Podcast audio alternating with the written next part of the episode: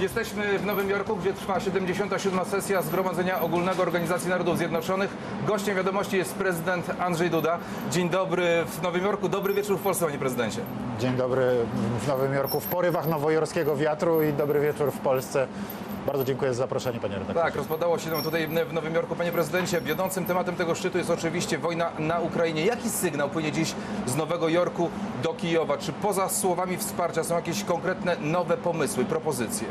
No przede wszystkim płynie bardzo ważny sygnał o tym, że to wsparcie dla Ukrainy jest wsparciem stabilnym, że tutaj nikt nie, nie, nie mięknie ze strachu przed, przed różnymi groźbami wysyłanymi przez, przez Rosję, przez e, choćby prezydenta Władimira Putina w jego ostatnim wystąpieniu, przed tą mobilizacją, którą zapowiedział w Rosji, która zresztą w samej Rosji budzi, jak, jak widać w mediach, em, em, wielkie emocje i, i protesty. E, I, i, i, w związku z tym, co dla nas ogromnie ważne w naszej części Europy, Ukraina nadal może liczyć na wsparcie, przede wszystkim to wsparcie amerykańskie, ale generalnie tutaj jest pełna mobilizacja do tego, by wspierać Ukrainę aż do zwycięstwa. A ma pan poczucie takie, panie prezydencie, że ten szczyt może, może zmienić nastawienie niektórych krajów świata do Rosji, do wojny na Ukrainie? Bo przecież nie jest tajemnicą, że są takie kraje, głównie w Ameryce Łacińskiej, w Afryce, które mają poprawne relacje z Rosją, a niektóre nawet bardzo dobre. Tak, ale uważam, że e, w jakimś sensie przywódca rosyjski popełnił błąd, sugerując zagrożenie nuklearne, dlatego że reakcja, przynajmniej takie jest wrażenie w tej chwili, była wręcz przeciwna. To znaczy kraje, które do tej pory były bardzo ostrożne w swoich stanowiskach i w swoich wypowiedziach na temat Rosji, no tym razem mm, zdecydowanie no, zamarły w zdumieniu, tak, że, że do takich, do takich sugestii posuwa się e, rosyjski przywódca, posuwa się Władimir Putin. Więc to chcę powtórzyć jeszcze raz, to wsparcie dla Ukrainy jest stabilne, absolutnie w moim przekonaniu nie osłabło e, przez tą sytuację, z którą w tej chwili e, mamy do czynienia, przez tą częściową mobilizację w Rosji, przez, przez zapowiedź jakichś tam rosyjskich działań w perspektywie może ofensywnych, no bo taka może być sugestia wynikająca z samego faktu tej, tej mobilizacji. Nie, wręcz przeciwnie, jest determinacja do tego, by bronić wolnej, niepodległej, suwerennej Ukrainy, wspierając tych, którzy bronią jej dzisiaj. Prezydent Ukrainy Wołodymyr Zełenski zapowiedział powołanie przed ONZ e, specjalnego trybunału do osądzenia zbrodni rosyjskich. Czy pana zdaniem ten pomysł rzeczywiście doczeka się realizacji? Jakiś pomysł musi się doczekać realizacji. Albo to będzie odpowiedzialność karna przed trybunałami, które dzisiaj są i które dzisiaj działają na świecie, między innymi Międzynarodowym Trybunałem Karnym, albo musi być to odpowiedzialność przed specjalnym trybunałem dedykowanym, tak jak to było w przypadku historycznie patrząc innych wielkich zbrodni wojennych. I, ale co jest bardzo ważne, ja to też akcentowałem w moim wystąpieniu przedwczoraj na forum ONZ. Ta odpowiedzialność musi być wyegzekwowana. To jest kwestia odpowiedzialności świata za to, by nie dać przyzwolenia przyszłym zbrodniarzom do tego, by, by mieli poczucie, że mogą zbrodnie popełniać bezkarnie. Te muszą być ukarane zdecydowanie. Jest pan w stałym kontakcie z prezydentem Ukrainy Wołodymyrem Zełenskim. Czego dziś najbardziej potrzebuje Ukraina? Czy ta pomoc, którą otrzymuje jest wystarczająca, czy też nie? No, ten sygnał płynący z Ukrainy i do mnie osobiście od pana prezydenta Zełeńskiego, od Wołodymira jest y, ten sam od miesięcy. Broni, broni, broni i jeszcze raz broni. Ukraina potrzebuje broni. Ludzie są zdeterminowani, obrońcy są absolutnie bohaterscy, y, ogromnie wysokie jest morale y, Ukraińców, ukraińskiej armii, ochotników ale potrzebują broni. Dostali już wiele tej super nowoczesnej broni, to dzięki temu możliwa jest ta ukraińska ofensywa i to dzięki temu, między innymi dzięki naszym krabom i naszym czołgom, które wysłaliśmy na Ukrainę, udało się zatrzymać rosyjską ofensywę, a teraz udaje się ją odpierać, ale ta, ta broń jest używana z ogromną częstotliwością, jest poddana tam rzeczywiście gigantycznemu obciążeniu. E, To wszystko relacjonował mi prezydent Zełenski, kiedy ostatni raz byłem w Kijowie, że to są obciążenia, które wielokrotnie przekraczają nawet założenia producentów. Więc no, test także dla naszych haubic krab jest, jest, jest bardzo poważny i, e, i, i powinien producent nasz uważnie notować wszystkie uwagi zgłaszane przez stronę ukraińską co do funkcjonowania tego sprzętu, ale Ukraina potrzebuje tego sprzętu jeszcze więcej. Kolejne pytanie, proszę Państwa, już na antenie TVP Info. Serdecznie zapraszam. Panie prezydencie, komentatorzy zwracają uwagę na to, że największymi sojusznikami Ukrainy są dzisiaj Stany Zjednoczone, Wielka Brytania i Polska. Czy tak jest w istocie? O tym też mówił mi Wołodymir Zełęński e, w czasie naszych rozmów i ostatnio, i, i wcześniej już, bo rzeczywiście jesteśmy w absolutnej awangardzie pomocy Ukrainie. To dobrze, bo to jest w naszym interesie, żeby Ukraina się obroniła, żeby Rosja została zatrzymana, żeby rosyjska inwazja została odparta. Tego w Polsce nikomu nie trzeba tłumaczyć, na czym ten nasz interes e, polega.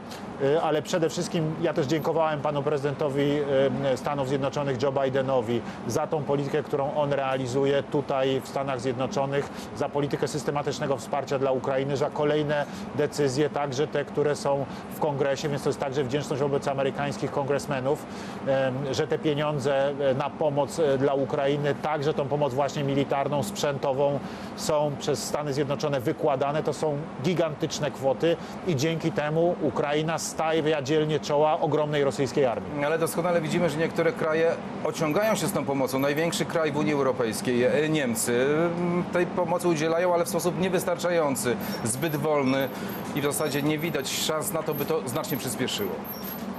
No cóż, każdy kraj realizuje swoją politykę i jak widać każdy kraj ma też swoje interesy. Cóż, pamiętajmy, że Niemcy to Nord Stream 1, Nord Stream 2 to ogromne interesy wspólnie realizowane z Rosją, z Gazpromem. Eee, I dzisiaj e, no, trudno się dziwić, że Urząd Kanclerski ma problemy także i z rosyjskim biznesem, żeby, żeby wspierać Ukrainę, kiedy rosyjski biznes tak naprawdę w ogromnej części pewnie jest e, za Rosją i chciałby powrotu do business as usual i jest im obojętne. E, Niestety boję się w ogromnej części, co, co się stanie z Ukrainą. Nam nie jest obojętne i cieszę się ogromnie, że nie jest obojętne prezydentowi Stanów Zjednoczonych i że nie jest obojętne uczciwym ludziom w Europie, także przywódcom. E, Chcę mocno podkreślić, że wśród władz niemieckich jest wielu ludzi, którzy starają się, żeby ta pomoc ze strony Niemiec była jednak jak największa. Ja także rozmawiałem na ten temat kilkakrotnie z samym panem kanclerzem. Ale sytuacja jest taka, jaka jest. My w każdym razie pomagamy, Stany Zjednoczone pomagają ogromnie, Wielka Brytania pomaga i każda pomoc dla Ukrainy jest mile widziana. I ja powiem jako prezydent Polski, ja do tej pomocy też nawołuję. Także tu nawoływałem do niej w ONZ i w wywiadach, których udzielałem, także i dla amerykańskich mediów. Ja jestem wdzięczny każdemu, kto dzisiaj wspiera Ukrainę, kto dzisiaj wspiera obrońców Ukrainy, bo oni bronią także Polski, oni bronią także Europy. Pan w swoim e, przemówieniu mówił o tym, że Rosja w przyszłości będzie musiała zapłacić za, za swoje zbrodnie na Ukrainie. Ten apel niektórzy odczytują jako nierozliczoną historię z czasów II wojny światowej, bo Niemcy nie wypłaciły nam reparacji. Słusznie odczytują? Nie, pan słusznie odczytują. No ja uważam, że jak jest szkoda, to powinna ta szkoda zostać naprawiona. Nigdy tego nie ukrywałem, tak? Myśmy ponieśli straszliwą, dramatyczną szkodę. Zostaliśmy zniszczeni. Warszawa była zrównana z ziemią. Nikt nam za to nie, nie, nie zwrócił. Przecież myśmy nikogo nie atakowali. To nas zaatakowano, to nas napadnięto, to nas zniewolono, to nam odebrano państwo. Zrobiły to hitlerowskie, nazistowskie Niemcy e, wspólnie z sowiecką Rosją. E, przede wszystkim Niemcy zadali nam największe straty i największe zniszczenia uczynili e, u nas i, i dzisiaj w pierwszej kolejności domagamy się tego odszkodowania od Niemiec i, i szczerze mówiąc dziwią mnie jakieś głosy oburzenia, bo chyba jest to normalne, że jeżeli ktoś coś komuś zniszczył, to powinien za to zapłacić. No nie dla wszystkich normalne, dlatego że Niemcy mówią, że ta, ten temat został zamknięty i niektórzy politycy w Polsce, politycy Platformy Obywatelskiej mówią, że ten temat rzeczywiście został już zamknięty. No, m, być może niektórym wydaje się, że został zamknięty, więc grzecznie ich informuję, że nie został zamknięty i, i, i trzeba dochodzić tego, co nam się obiektywnie należy. To była straszliwa krwawica naszych ojców i dziadków. Ta odbudowa Polski, odbudowa Warszawy, odbudowa tego potencjału, także e, rodzinnego, tych wszystkich rodzin, które, które, które utraciły swoje domy, które utraciły swoje korzenie i które na nowo musiały odbudowywać swoje życie. To, to, to, to, to, to sytuacja, w której w każdej polskiej rodzinie ktoś został zamordowany albo zginął w czasie II wojny światowej. Nikt nam za to nie zadośćuczynił.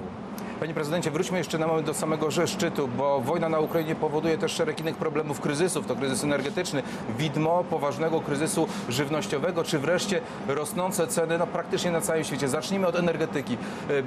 Polska jest bezpieczna energetycznie. Jak pan uważa i co należałoby jeszcze w zakresie tym zrobić, żeby była jeszcze bardziej bezpieczna? Budujemy to bezpieczeństwo energetyczne od dłuższego czasu, zwłaszcza jeżeli chodzi o dostawy gazu do Polski. To każdy wie, w najbliższych dniach, dokładnie we wtorek, będziemy mieli inaugurację gazociągu z szelfu norweskiego e, przez Danię, przez Baltic Pipe do Polski, więc to będą dostawy, które pełną parą będą szły od, od, ym, od przyszłego roku. Działamy, budujemy interkonektory. E, Można powiedzieć tak, w tym wypadku akurat Polak był mądry przed szkodą i przed szkodą e, zaczęliśmy swoje działanie. Jesteśmy w o niebo lepszej sytuacji niż wiele krajów europejskich, zwłaszcza w naszej części Europy. Natomiast no, kryzys energetyczny jest wszędzie.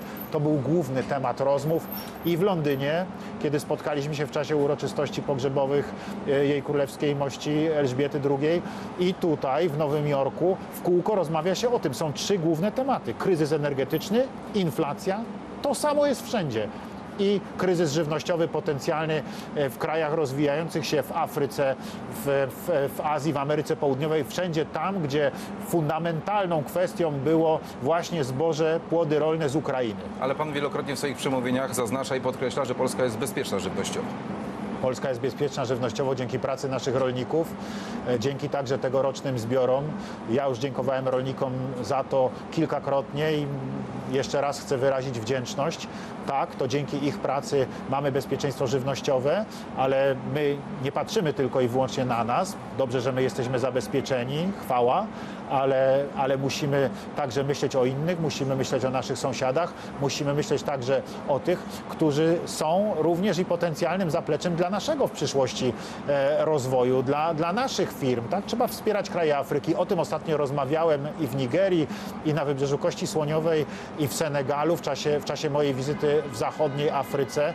Analizujemy te problemy, staramy się wspierać, współdziałamy tutaj z sekretarzem generalnym Organizacji Narodów Zjednoczonych, wspieramy działania sekretarza generalnego. Proszę pamiętać, że spotykałem się z sekretarzem generalnym i rozmawiałem z nim właśnie o przygotowaniu do, do tych porozumień, które ostatecznie zostały zawarte w lipcu pomiędzy Rosją, Turcją i Organizacją Narodów Zjednoczonych, a także Ukrainą, Turcją, Organizacją Narodów Zjednoczonych na dostawy zboża z portów w Odessie i innych portach i to się dzieje. My także mamy swój udział w osiągnięciu tych porozumień. Wiem, że ma Pan napięty plan, więc bardzo krótko na sam koniec, Panie Prezydencie, odbył Pan tutaj szereg spotkań, rozmów. E, Co z nich wynika? Czy może są jakieś konkrety? Jeśli tak, to jakie? Wynika z nich właśnie to, że budujemy ten prawdziwy, prawdziwe spojrzenie na sytuację Ukrainy i na to, co dzieje się dzisiaj w naszej części Europy, ale także i jasno i wyraźnie mówimy, tak jak ja w moim wystąpieniu, to nie jest regionalny konflikt. To nie jest konflikt, który będzie miał znaczenie tylko dla Ukrainy, dla Polski, dla naszych sąsiadów, dla państw bałtyckich, dla, dla Słowacji, dla, dla Węgier, dla Rumunii. Nie, dla Mołdawii. Nie. To jest konflikt, który swoimi skutkami, jak mackami, będzie rozprzestrzeniał się na cały świat, wszędzie tam, gdzie uderzy kryzys żywnościowy i wszędzie tam, gdzie dzisiaj obserwowany jest kryzys energetyczny, a on obserwowany jest praktycznie wszędzie. Więc zatrzymanie rosyjskiej agresji na Ukrainę to jest dzisiaj interes ogólnoświatowy. To nie jest dzisiaj tylko interes Ukrainy, to nie jest dzisiaj tylko interes Polski i wszyscy w tym zakresie powinni współdziałać, aby zatrzymać rosyjski imperializm, aby nie pozwolić na powrót e, do tego, co znamy z czasów II wojny światowej i po II wojnie światowej, na rozszerzanie strefy wpływów, na niewolenie innych narodów. Bardzo dziękuję, Panie Prezydencie. Gościem wiadomości był prezydent Andrzej Duda. I to tyle z deszczowego Nowego Jorku.